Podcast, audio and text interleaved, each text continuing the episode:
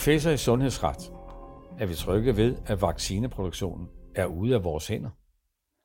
Coronaepidemien bør få Danmark til at stoppe op og overveje, om vi er trygge ved at have overladt den danske vaccineproduktion til udlandet, mener ekspert i sundhedsret. Udbruddet af coronaepidemien bør få Danmark til at tænke over, om vi er trygge ved at have solgt Danmarks selvstændige produktion af vacciner. Sådan lyder budskabet fra professor i sundhedsret ved Københavns Universitet, Janne Rotmar Hermann. For fire år siden solgte et flertal i Folketinget den danske selvstændige produktion af vacciner til Saudi-Arabien. Salget betød, at Statens Serum Instituts mangeårige basisproduktion af vacciner, der bliver brugt herhjemme, pludselig kom på udenlandske hænder. Citat, nu ved vi, hvad det vil sige at være midt i en epidemi. Vi bør overveje, om vi er trygge ved, at vi har overladt så vigtig en del af vores forsyningssikkerhed til udlandet.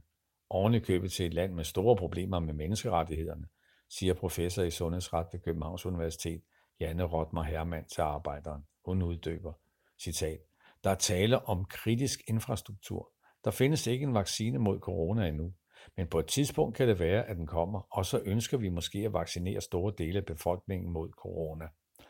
Politikerne har gjort en helt vital produktion af vacciner afhængig af, at nogle andre vil levere, hvad vi har behov for. Vi har ikke længere selv kontrol over produktionen. Citat.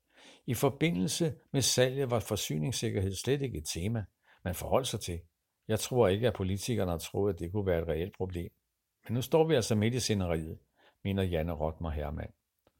Hun henviser til, at FN's verdenssundhedsorganisation WHO advarer om, at der på verdensplan kun er nogle få producenter af vaccine.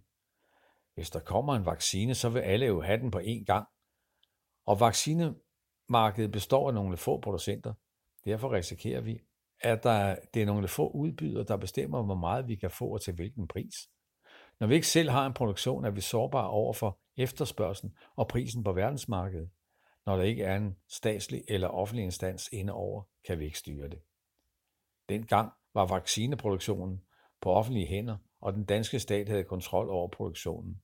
Der kunne politikerne jo beslutte sig at gribe ind og holde priserne i ro og dermed sikre en forholdsvis billig pris til gavn for borgere og sundhedsvæsen. Med finanslovsaftalen for 2012 blev det for eksempel aftalt at sænke priserne for Statens Serum Instituts egenproducerede vacciner med i alt 200 millioner kroner i perioden fra 2012 til 2016. Salget betyder, at hvis Saudi-Arabien pludselig skulle vælge at boykotte Danmark igen, som det skete under Muhammed-krisen, kan vi jo risikere at stå uden livsvigtige vacciner til eksempel danske børn. Det er nemlig langt fra sikkert, at det er til at opkøbe andre steder på verdensmarkedet. Citat. Når vi outsourcer produktionen til udlandet, gør det os samtidig sårbare, når grænserne lukkes og den frie handel besværliggøres, og hver enkelt land forsøger at tage hånd om sine egne borgere først, siger Timo Minsen til arbejderen.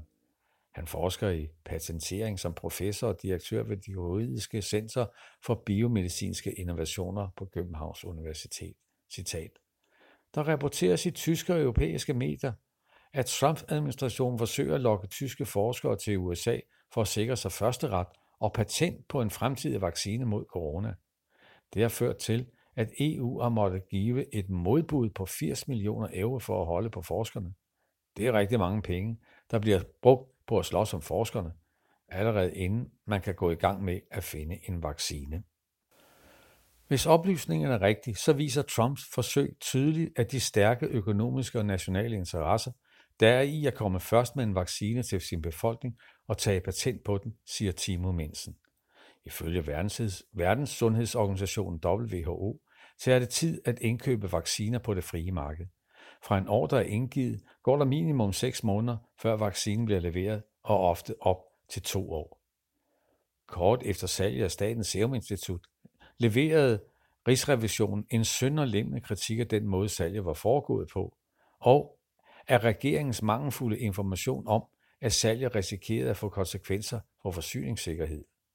Citat, det er Rigsrevisionens opfattelse, at det burde have indgået i beslutningsgrundlaget, at markedet for vacciner var præget af få udbydere, og at det derfor ville være en risiko for, at forsyningssikkerheden blev sårbar over for private producenter strategiske overvejelser omkring prissætning og produktionssammensætning, hedder det blandt andet i Rigsrevisionens beretning om salget af Statens Serum Institut vaccineproduktion. Citat. Det fremgik ikke af beslutningsgrundlaget, om et frasalg eller en nedlukning af vaccineproduktion ville få en betydning for, for forsyningssikkerheden af vacciner. Rigsrevisionen finder ikke, at beslutningsgrundlaget indeholder tilstrækkelige overvejelser vedrørende forsyningssikkerhed, lyder det videre i kritikken fra Rigsrevisionen.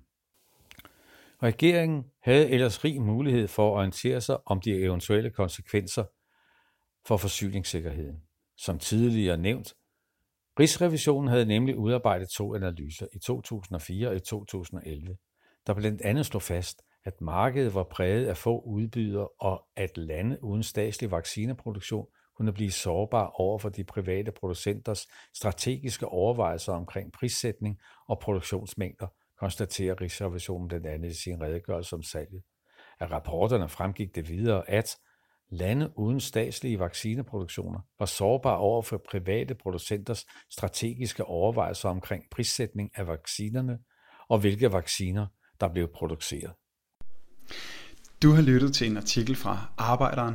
Abonner på vores podcast på iTunes, eller hvor du ellers hører din podcast. Du kan også klikke ind på arbejderen.dk for meget mere journalistisk indhold.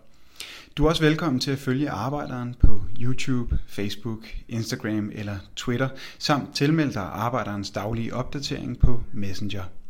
Vil du i kontakt med redaktionen, kan det ske ved at sende en mail til redaktion